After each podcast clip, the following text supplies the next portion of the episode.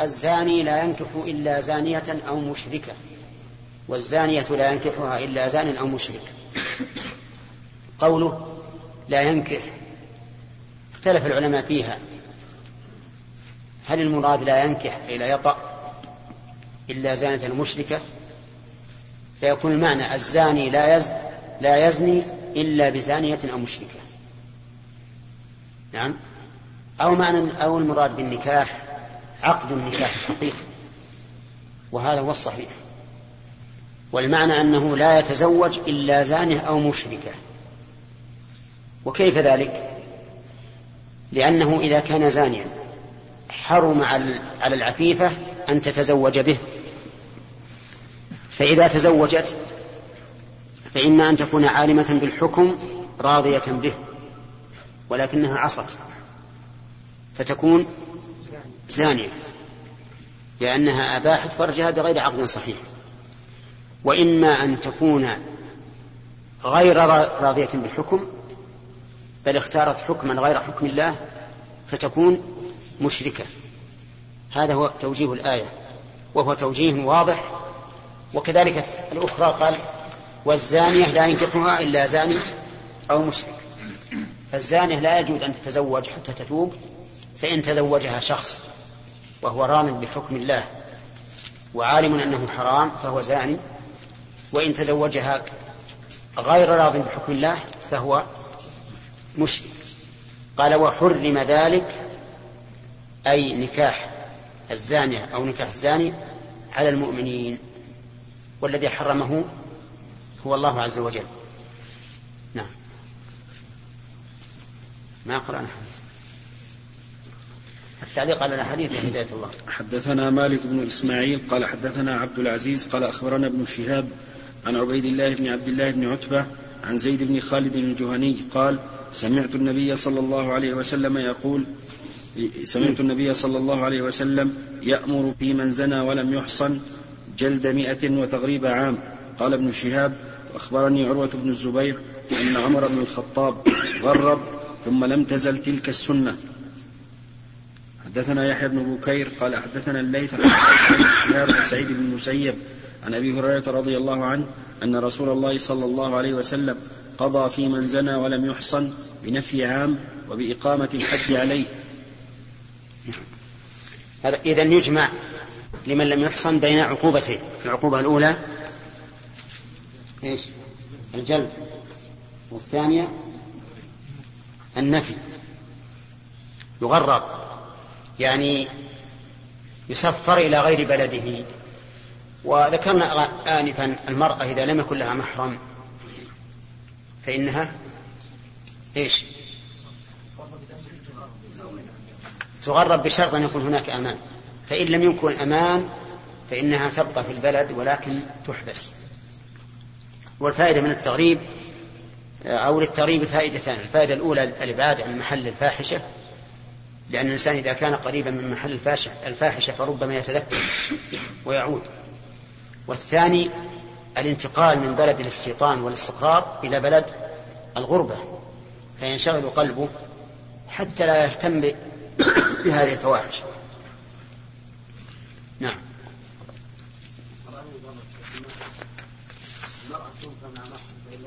لا تغرب يعني. فإذا لم يوجد المحرم تغرب. نعم على فإن لم يوجد تحبس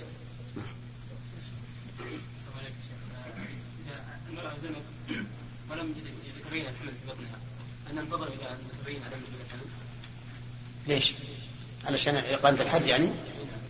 لا ما دام ما ظهر الحمل ما ننفق. يعني الحد هو النفخة لا الحد من يوم يتبين الحمل. الحد عليه. إذا إذا لم يتبين لكن علمنا أن وقف التخفيف. مضى على الزنا بها طيب. إذا علمنا أنه خفيف الروح يكون من أولى؟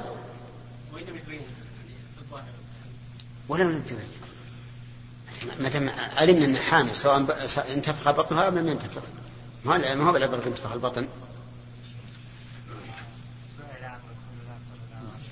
صلى الله عليه وسلم قال فاجلدوا حتى إلى رابعة وفي الرابعة قال بالغ وما قال إلى كيف الجمع مع هذا وقال له تبارك وتعالى وإن على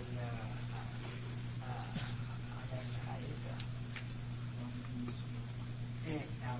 على المحصنات يعني نصف الحد على فإن أتينا بفاحشة فعليهن إيه. نصف مع المحصنات من هذا نعم. ويسأل يقول هل نغرب الأمة المملوكة أو لا؟ نقول إنها لا تغرب ولا المملوك أيضا. لأن ذلك أكثر لفسادهم. ولأن في ذلك ضررا على سيدهما. فالضرر متعدي وتعرف أيضا الأرقة ما يهتمون بالأخلاق. ربما إذا ذهبوا غربوا عن سيدهم صاروا أشد فسادا نعم من الجلد. نعم. هذا تابع للحد لكن مثل ما قلت يسقطه حق السيد. نعم. باب نفي أهل المعاصي والمخنثين. حدثنا مسلم بن إبراهيم قال حدثنا هشام قال حدثنا يحيى عن عكرمة عن ابن عباس رضي الله عنهما قال لعن النبي صلى الله عليه وسلم المخنثين من الرجال والمترجلات من النساء وقال أخرجوهم من بيوتكم وأخرج فلانا وأخرج عمر فلانا. نعم. يقول المخنثين من الرجال هم الذين تكون طباعهم كطباع النساء. يعني أنه يتطبع بطبيعة المرأة في كلامه وهيئته ولباسه. هذا المخنث. والمترجلات التي التي تقلد الرجال. وهم وكل واحد منهما ملعون لأن كل واحد منهما أراد أن يضاد الله تعالى في خلقه. فالمرأة تريد أن تجعل نفسها رجلا والرجل يريد أن يجعل نفسه امرأة. فهو من باب تغيير خلق الله بالجبلة. وكما عرفتم أن النبي عليه الصلاة والسلام لعن الواشمة والمستوشمة والنامصة والمتنمصة والواشرة والمستوشرة ولعن المتفلجات للحسن لأن هذا من باب تغيير خلق الله. وترجل المرأة أو تخنث الرجل أشد لأن الفساد فيه أعظم. وفيه دليل على أن أن الشرع يريد من الأمة أن يكون هناك فرق بين الرجال والنساء عكس ما يريده من الجهال من الكفار وغيرهم الذين يريدون أن تكون المرأة يريدون أن تكون المرأة والرجل على حد سواء. فإن هذا خلاف ما فطر, ما فطر الله عليه الخلق. نعم. نعم في حالنا اليوم هل يوفى إلى داخل البلد التي يكون حاكم واحد؟ اي نعم بس ليش ما تصف الغربة؟ لأنه لو في بلاد مثل بلادنا اليوم في المنطقة الغربية مثلا إيه؟ سهل الوصول إليه وسهل هو أن ينتقل إلى المهم يعتبر نفسه غريبا أنا لو أسافر مثلا إلى الرياض صرت غريبا لكن يعني, يعني المحافظة على بقائه في تلك المنطقة. صعب لأنه ربما يصل إلى هذه المنطقة صفرا لا الحظ عند الإنسان لازم إذا خيف من رجوعه. أو إذا رجع يؤدب تأديبا يجعله ما يرجع أبدا. وإذا ما استطعنا كل هذا ليش ما نخرج في بلد ما يمكن. مشكلة خافنا أخرجناه المحل يعني دولة قريبة. قل هذه قريبة ويحصل اتصال. روحوا. روحنا قال هذه بعد قريبة. يصل إلى أمريكا وروسيا نعم. ها؟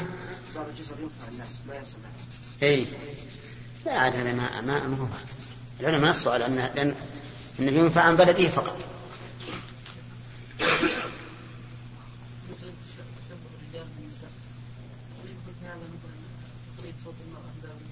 اي نعم. ابن الرجل فخشي يعني ان رفع السلطان من فضيحة وخشي أن تركه يعني يتمادى بالمعصيه نعم. جلده فقط بدون ما يصلح. يعني عقوبة إي نعم. ما يكون هذا؟ هذا لا يجوز إلا بالنسبة للسيد مع مملوكه فقط. أن لا. لا يقيمه إلا الإمام أو نائبه أو السيد مع مملوكيه يعني ما يجوز. لكن لكن له أن يستر. أقول له أن يستر عليه وإن عاد يعني يهدده. يقول إن عدت سوف أرفعك. لكن ما يسمى جلد حد ها؟ لو ما يسمى حدا لا لا ولا يصح يكفي. نعم. باب من أمر غير الإمام بإقامة الحج غائبا عنه. حدثنا عاصم بن علي قال حدثنا ابن أبي ذئب عن الزهري عن عبيد الله عن أبي هريرة وزيد بن خالد أن رجلا من الأعراب جاء إلى النبي صلى الله عليه وسلم وهو جالس فقال يا رسول الله اقض بكتاب الله فقام خصمه فقال صدق اقض له يا رسول الله بكتاب الله إن ابني كان عسيفا على هذا فزنى بامرأته فأخبروني أن على ابني الرجم فافتديت بمائة من الغنم ووليدة ثم سألت أهل العلم فزعموا أن ما على ابني أن ما على ابني جلد مائة وتغريب عام. فقال والذي نفسي بيده لأقضين بينكما بكتاب الله. أما الغنم والوليدة فرد عليك وعلى ابنك جلد مائة وتغريب عام. وأما أنت يا أنيس فاغدو على امرأة هذا فارجمها. فغدا أنيس فرجمها. مر علينا باب قول الله تعالى ومن لم يستطع منكم طولا أن ينكح المحصنات المؤمنات.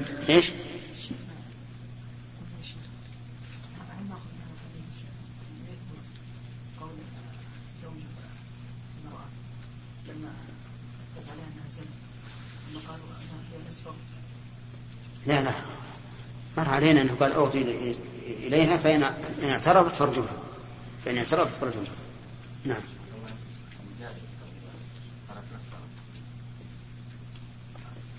ما يمكن تكون محصنة. الأمة يشترط في الإحصان أن يكون حرا أن يكون حرين شيخ جزاكم الله خير. مراتب تغريب المرأة. هل لابد من عدم كلمة الأول انتقال إلى الثاني؟ أي نعم. أي بالترتيب ما بالتخيير باب قول الله تعالى ومن لم يستطع منكم طولا أن ينكح المحصنات المؤمنات فما فمما ملكت أيمانكم من فتياتكم المؤمنا- المؤمنات والله أعلم بإيمانكم بعضكم من بعض فانكحوهن بإذن أهلهن وآتوهن أجورهن بالمعروف محصنات غير مسافحات ولا متخذات أخدان فإذا أحصن فإن أتين بفاحشة فعليهن نصف ما على المحصنات من العذاب. ذلك لمن خشي العنة منكم وأن تصبروا خير لكم والله غفور رحيم. نعم. قوله تعالى باب من قول المؤلف باب قول الله تعالى ومن لم يستطع منكم طولا أي من لم يجد طولا يعني غنى يدفعه مهرا للحرة ولهذا قال أن ينكح المحصنات المؤمنات. المحصنات هنا الحرائر. بدليل قوله فمما ملكت أيمانكم. فمما ملكت أيمانكم يعني من الأرقة الإمام من فتياتكم المؤمنات. والله أعلم بإيمانكم بعضكم من بعض. يعني الله أعلم بالإيمان وأنتم ليس لكم إلا إلا الظاهر.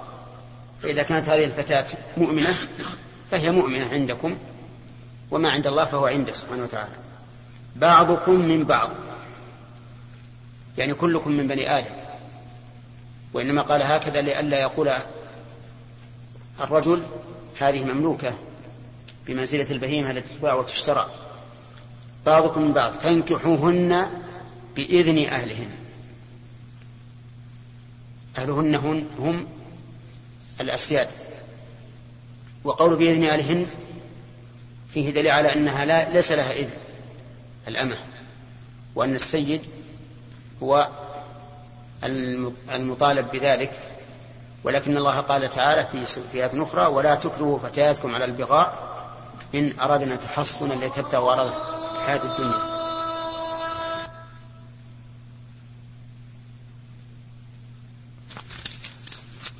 عدد الجزام هذه.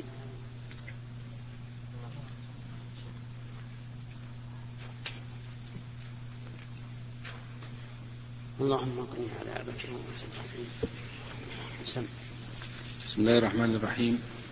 الحمد لله رب العالمين وصلى الله وسلم على نبينا محمد وعلى آله وصحبه. قال البخاري رحمه الله تعالى باب إذا زنت الأمة. لكن الآية يا شيخ. نعم. باقي في نعم. قال الله عز وجل ومن لم يستطع منكم طولا أن ينكح المحصنات المؤمنات فمما ملكت أيمانكم من فتياتكم المؤمنات قول فمما ملكت أي فانكحوا. مما ملكت أيمانكم من فتياتكم المؤمنات. والخطاب في قوله مما ملكت أيمانكم من فتياتكم المؤمنات الخطاب لغير المالكين. لأن المالك لا ينكح ما, ما ملك وإنما يطوها بحكم الملك والوطء بحكم الملك أقوى من النكاح ولهذا لا يرد النكاح على الملك. يعني معناه أن الرجل لا يتزوج سريته لأن وطأه إياها بملك اليمين أقوى من وطئه إياها بملك بملك بعقد النكاح. فيكون مما ملكت أيمانكم أي مما ملكه غيركم. لكن كما نعلم جميعا أن الأمة الإسلامية جسد واحد. يكون الخطاب للجميع. وقول من فتياتكم المؤمنات يستفاد منه أنه لا يجوز أن ينكح أمة كتابية. لقوله مما ملكت أيمانكم من فتياتكم المؤمنات. فلو أن الإنسان لا يجد لا يجد طول حرة ولكنه يجد طول أمة كتابية قلنا لا يجوز أن تتزوجها لأنه يجتمع فيها نقصان نقص الدين ونقص الحرية. فلا يجوز أن يتزوج أمة كتابية وإن كان لو كانت حرة لتزوجها لكنها إذا كانت أمة لا لا يتزوجها. وقول فانكحوهن بإذن أهلهن سبق لنا أن قلنا إن هذا يدل على أنه لا تتزوج الأمة إلا بنكاح إلا بإذن سيدها. حتى لو أذن لو طلبت النكاح وأذن وأذن أبوها فلا حق له فيها. وآتوهن أجورهن بالمعروف. المرود المراد بالأجور المهور لأنها تدفع في مقابلة الاستمتاع بالمرأة. وقول بالمعروف أي بما جرى به العرف يكون قبضا ليس فيه مماطلة وليس فيه تثاقل. محصنات يعني حال كونهن محصنات غير مسافحات ولا متخذات أخدان. إذا اشترط الله عز وجل لنكاح الأمة ثلاثة شروط أولا أن يعجز عن عن نكاح إيش؟ مهر الحرة. الثاني أن تكون مؤمنة. الثالث أن تكون غير مسافحة ولا متخذة أخدانا. وإنما قيد بذلك لأن غالب الإماء في ذلك الوقت يكن يتخذن أخدانا. ثم قال فإذا أحصن فإن أتين بفاحشة فعليهن نصف ما على المحصنات من العذاب. فإذا أحصن أي بالجماع إذا أحصن بالجماع فعليهن نصف ما على المحصنات من العذاب. والذي يمكن أن يتنصف هو الجلد. أما الرجم فلا يمكن أن يتنصف وعلى هذا فلا رجم على أمه وإن أحسنت لأن الرجم لا يتنصف. وهل تغرب أو لا؟ قال بعض العلماء تغرب لعموم الأحاديث في ذلك وقال بعضهم لا تغرب لأن في ذلك إسقاطا لحق سيدها ولأنه يخشى أن يفتح أبوابا للمملوكات. كلما ملت من سيدها زنت لتغرب. ومنهم من قال تغرب نصف سنة لأنه كما تنصف الجلد بحيث لا تجلد إلا خمسين مرة إلا خمسين جلدة فكذلك يتنصف التغريب لأنه يمكن تنصفه. وهذا هو الأقرب. وأما بالنسبة للزوج للسيد فيقال هذه من المصائب التي أصابته في في مملوكته. كما لو أصيبت بأمر قدري بحيث تمرض فإنه يكون خسارة عليه. هذه أصيبت بأمر إيش؟ شرعي. قال ذلك لمن خشي العنة منكم. ذلك المشار إليه نكاح الإماء أي ذلك الحكم في نكاح الإماء لمن خشي العنة منكم أي المشقة بعدم الزواج. فإن كان يستطيع أن يصبر فإنه يصبر لأنه لا حاجة إلى أن يتزوج أمه ما دام قادرا على الصبر. ولهذا قال وأن تصبروا خير لكم والله غفور رحيم. والحكمة من تحريم نكاح الإماء إلا بهذه الشروط الثلاثة أن تكون أن لا يجد طول حرة وأن تكون إيش؟ مؤمنة والثالث غير مسافحة. وإن شئتم هذه الغول لأن هذا حتى في الحرائر لا بد أن تكون المرأة عفيفة عن الزنا. الثالث أن يخشى العنت. فإذا تمت الشروط جاز نكاح الإماء.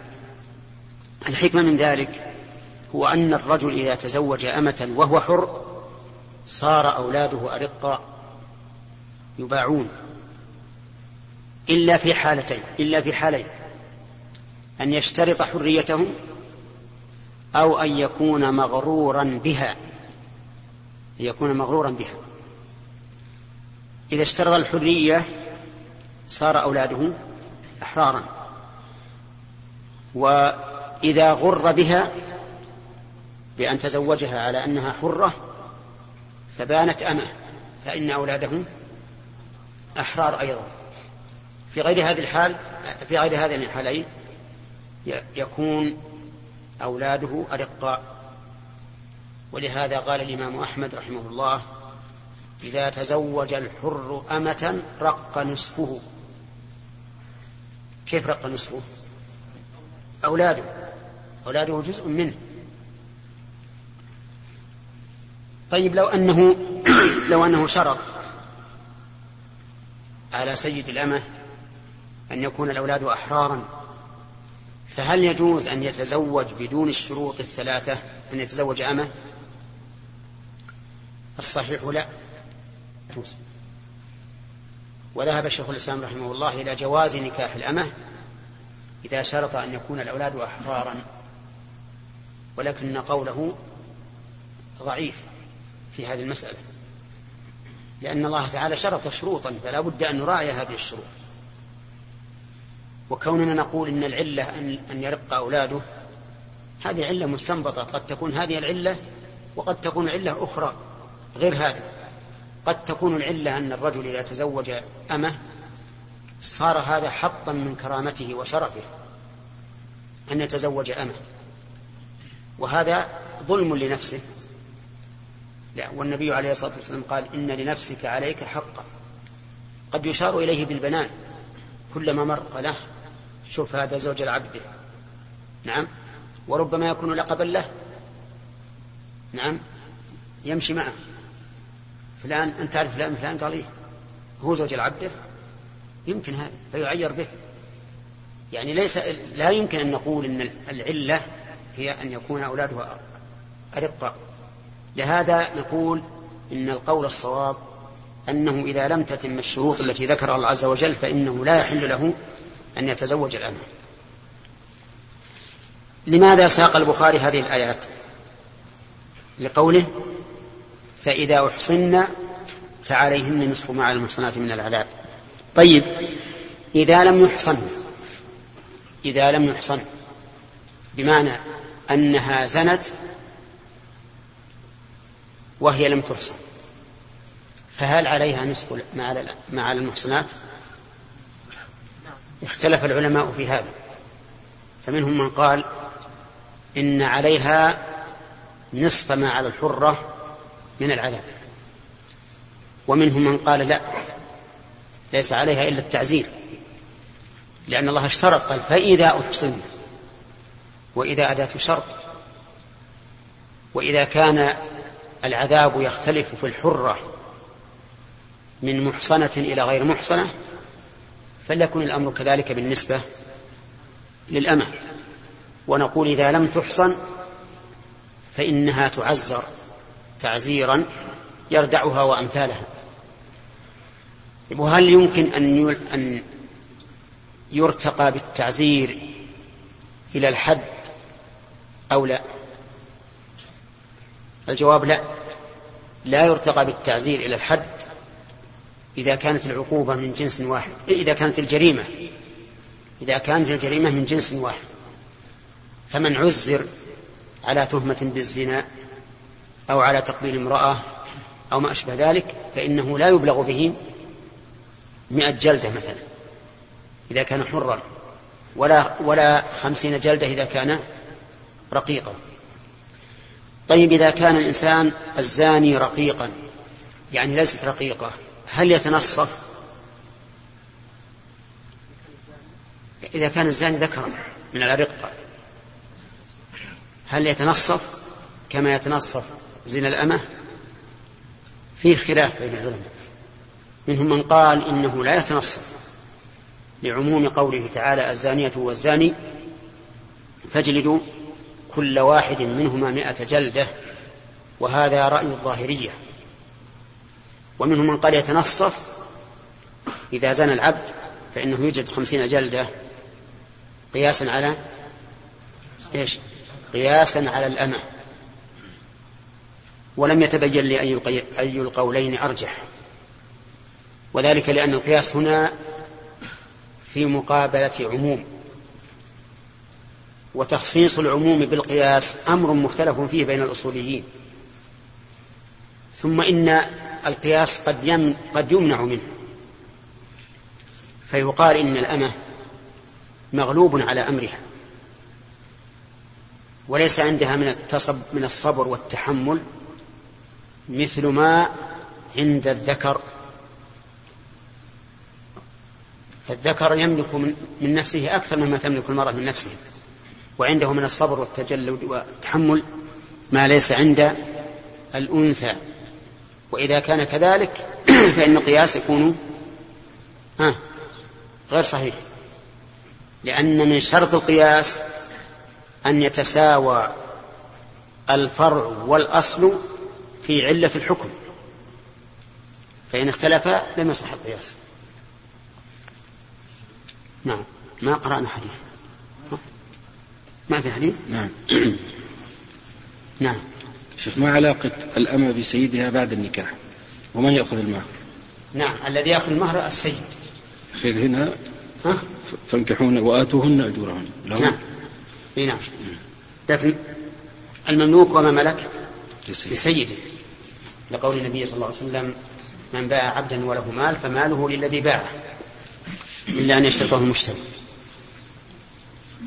وعلاقة بها من حيث الاستمتاع الجنس انقطعت بالزواج لكنه بالنسبة مثلا للنظر يعني لا يلزمها أن تحتجب عنه وله أن يستخدمها إلا في الوقت الذي يكون الزوج مستحقا لخدمته نعم. ولا بعضكم قلناها أمس. البارحة قلناها. وراجع السنة. ما فهمتم ولا ما ما لا ما فهم. وش اللي فهمت؟ ما فهمت شيء الأبد يعني بعضكم من بعض حال من زميلكم ولا ها؟ إيش؟ حالا من زميلكم يعني حال كونكم بعضكم من بعض. أنت قصدك الإعراب ولا المعنى لا لا ما كل حاجة يمكن تعرف معنى بدون معرفة إعراب. إحنا قلنا المعنى بعضكم من بعض معناه لا تستنكفوا أن تتزوجوا إماء. لأنكم كلكم من جنس واحد. كلكم بشر. فأنتم إذا اضطررتم إلى النكاح تزوجوا لأن بعض الناس ربما يأنف أن يتزوج أمه ولو احتاج إلى ذلك. نعم. نعم. نعم نعم. إي نعم.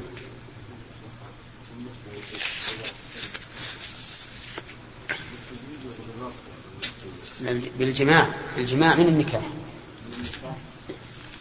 أو من أو من أو من السيد الظاهر حتى من السيد في هذه الحال لأن وضع السيد لا شك أنه يعرفه المرأة نعم.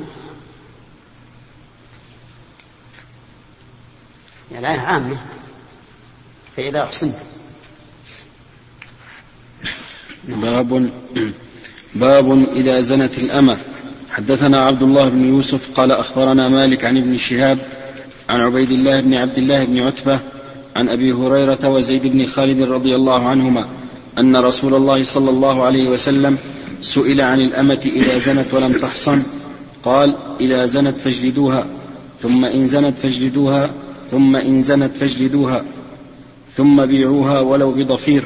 قال ابن شهاب لا أدري بعد الثالثة أو الرابعة. نعم. هنا قال اجلدوها وأطلق الجلد. ولم يحدده بمئة أو أكثر أو أقل. فيقال اجلدوها جلدا يردعها عن ما فعلت. لأن المقصود من هذا الجلد الإصلاح. فإذا صلحت بأي عدد كان فهذا هو المطلوب. وإن لم تصلح بأن زانت مرة أخرى تجلد وتجلد. في الثالثة والرابعة تباع. ولكن هل إذا بي إذا بيعت؟ هل إذا بوعت؟ ولا إذا بيعت؟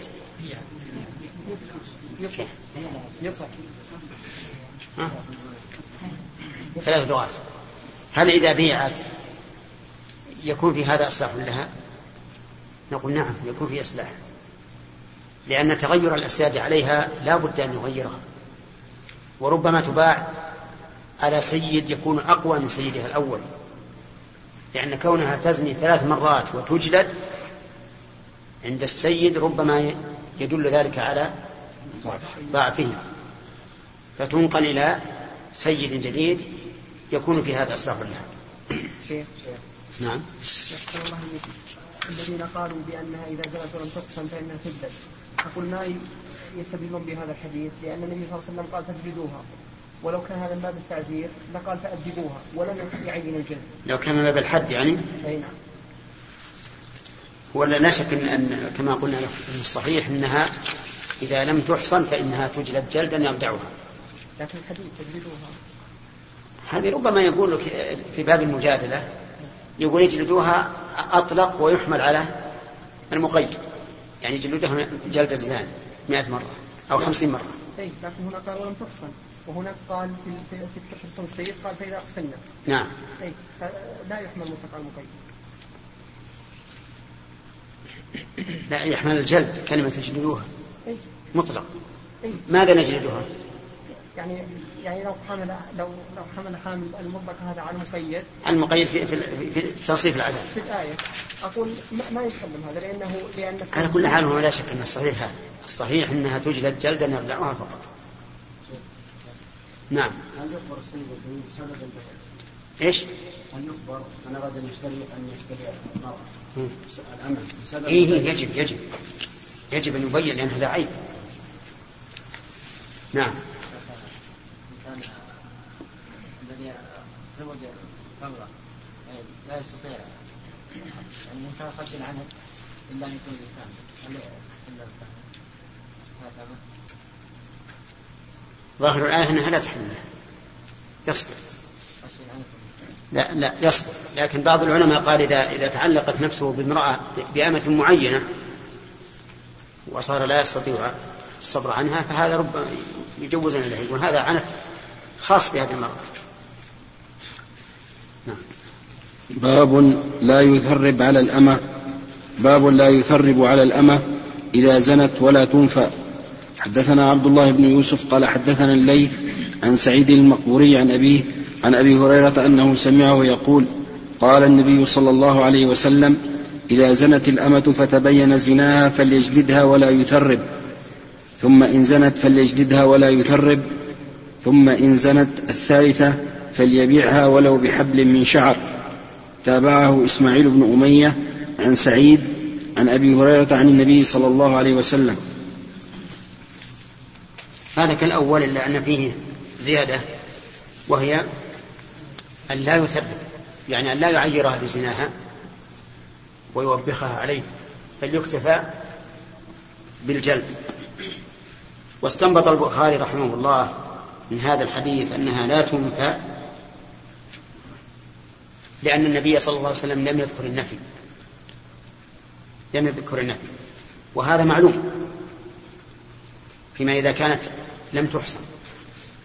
فيما إذا كانت لم تحصن فإنها تجلد. وهو محمول على الحديث الذي قبله. أي أنها زنت ولم تحصن. فتجلد بدون تثريب ولا تغريب أيضا. نعم. باب. سامي. إي نعم قبل البيع ثلاث مرات يجيبها في الثالثة والرابعة يبيعها لأنه عجز عن تأديبها. نعم. إيش؟ هذه فيها خلاف. والصحيح أنه لا لا لا يجب الاستبراء. لا فيها ولا في الزوجة الحرة. لأن الولد للفراش وكونه جامع ليكون الولد له ليكون الولد له خير من كونه يترك ثم تحمل من الزنا ويكون فيها مشكلة. نعم.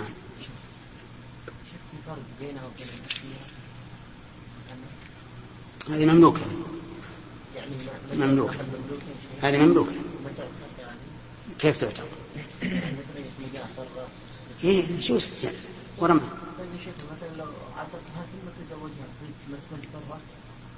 ليش يعزقها؟ يتزوجها يجامعها بدون اعتاق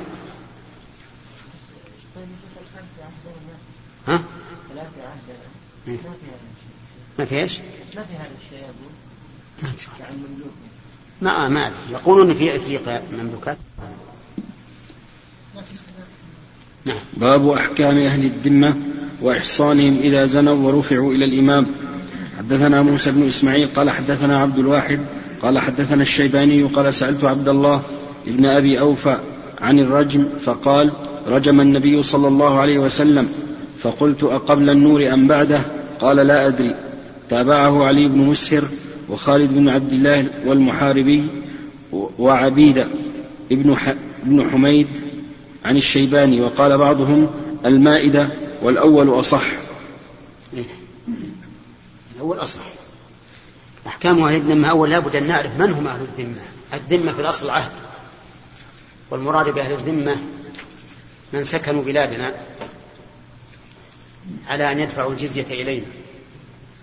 فهؤلاء لهم عهد أن لا نعتدي عليهم وأن نمنع من اعتدى عليهم ولنا عليهم أن يبذلوا الجزية وأن يخضعوا لأحكام الإسلام. ظاهرا أما باطنا في بيوتهم فهم على أحكامهم لكن ظاهرا يخضعوا لأحكام الإسلام وأن لا يعتدوا على أحد من المسلمين. فإن فعلوا شيئا مما يناقض الذمة انتقض عهدهم وصاروا محاربين. هؤلاء هم أهل الذمة. إذا من هم أهل الذمة يا أخ؟ الذين سكنوا في بلادنا وبيننا وبين زد. نعم ونأخذ من الجزية على أن نحميهم بها من من العدوان عليهم وانتهاك أعراضهم وأموالهم. الصحيح أنه, أنه, أنه أهل الكتاب وغير أهل الكتاب. المذهب أهل الكتاب والمجوس فقط ثلاث طوائف اليهود والنصارى والمجوس والصحيح العموم. نعم سليم. إيش؟ بعبده؟ بعبده؟ بعبده وش عبده؟ ها. اي الأمة عليها نصف ال- إذا كانت محصنة عليها نصف الجلد. وهو بحسب هذه إن كان بكرا فعليه الجلد مئة والتغريب وإن كان ثيبا فإنه يرجم. حدثنا إسماعيل بن عبد الله قال حدثني مالك عن نافع عن عبد الله بن عمر رضي الله عنهما أنه قال إن اليهود جاءوا إلى رسول الله صلى الله عليه وسلم فذكروا له أن رجلا منهم امرأة زنيا فقال لهم رسول الله صلى الله عليه وسلم ما تجدون في التوراة في شأن الرجم؟ فقالوا نفضحهم ويجلدون. قال عبد الله بن سلام كذبتم. إن فيها الرجم فأتوا بالتوراة فأتوا بالتوراة فنشروها. فوضع أحدهم يده على آية الرجم فقرأ ما قبلها وما بعدها فقال له عبد الله بن سلام ارفع يدك فرفع يده فإذا فيها آية الرجم. قالوا صدق يا محمد فيها آية الرجم. فأمر بهما رسول الله صلى الله عليه وسلم فرجما فرأيت الرجل يحني على المرأة يقيها الحجارة هذا سبق الكلام عليه نعم. نعم. كيف؟ كيف؟ تكلمنا عنه تكلمنا عنه باب إذا رمى امرأته أو امرأة غيره بالزنا عند الحاكم والناس على والناس هل على الحاكم أن يبعث إليها فيسألها عما رميت به؟ حدثنا عبد الله بن يوسف قال أخبرنا مالك عن ابن شهاب عن عبيد الله بن عبد الله بن عتبة ابن مسعود عن أبي هريرة وزيد بن خالد أنهما أخبراه أن رجلين اختصما إلى رسول الله صلى الله عليه وسلم فقال أحدهما اقض بيننا بكتاب الله وقال الآخر وهو أفقههما أجل يا رسول الله فاقض بيننا بكتاب الله. وأذن لي أن أتكلم. قال تكلم. قال إن ابني كان عسيفا على هذا. قال مالك والعسيف الأجير. فزنى بامرأته فأخبروني أن على ابني الرجم فافتديت منه بمائة شاة وبجارية لي ثم إني سألت أهل العلم فأخبروني أن ما على ابني جلد مئة وتغريب عام وإنما الرجم على امرأته. فقال رسول الله صلى الله عليه وسلم أما والذي نفسي بيده لأقضين بينكما بكتاب الله أما غنمك وجاريتك فرد عليك وجل وجلد ابنه مئة وغربه عاما وأم وأمر أنيسا الأسلمي أن يأتي امرأة الآخر فإن اعترفت فارجمها فاعترفت فرجمها. هذا أيضا سبق الكلام عليه. لكن نشوف الترجمة؟ قوله باب إذا رمى امرأته أو امرأة غيره بالزنا عند الحاكم والناس هل على الحاكم أن يبعث إليها؟ فيسألها عما رمت به. ذكر فيه قصة العسيف وقد تقدم شرحه مستوفا والحكم المذكور ظاهر في من قذف امرأة غيره. وأما من قذف امرأته فكأنه أخذه من كون زوج المرأة كان حاضرا ولم ينكر ذلك وأشار بقوله هل على الإمام؟ إلى الخلاف في ذلك والجمهور على أن ذلك بحسب ما يراه الإمام.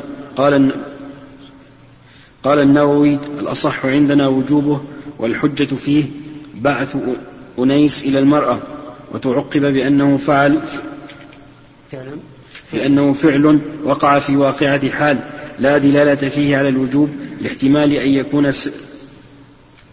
ما هو واضح يا شيخ؟ أن يكون سبب البعث؟ أن يكون سبب البعث؟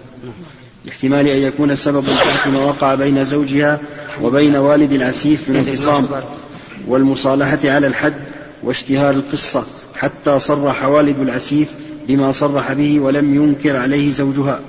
فالإرسال إلى هذه يختص بمن كان على مثل حالها من التهمة القوية بالفجور. وإنما علق على أو, اعترافها؟ أو إيش؟ طيب. فالإرسال أو واشتهار القصة حتى صرح والد فالإرسال. فالإرسال إلى هذه يخ- يختص بمن كان على مثل حالها من التهمة القوية بالفجور وإنما علق على اعترافها لأن حد الزنا لا يثبت في مثلها إلا بالإقرار لتعذر إقامة البينة على ذلك. وقد تقدم شرح الحديث مستوفا وذكرت ما قيل في الحكمة في إرسال أنيس. طيب. الصحيح ما ذكره أخيرا أن هذا راجع إلى اجتهاد الإمام وأن المسألة إذا اشتهرت فلا بد من الإرسال إليها. أما إذا كان سرا ولم يطلع على هذا أحد فقد يكون الستر أولى. لكن إذا اشتهر الأمر موجود موجود لا تكتب شيء موجود. لكن إذا اشتهر الأمر فلا بد من البيان لا بد من البيان.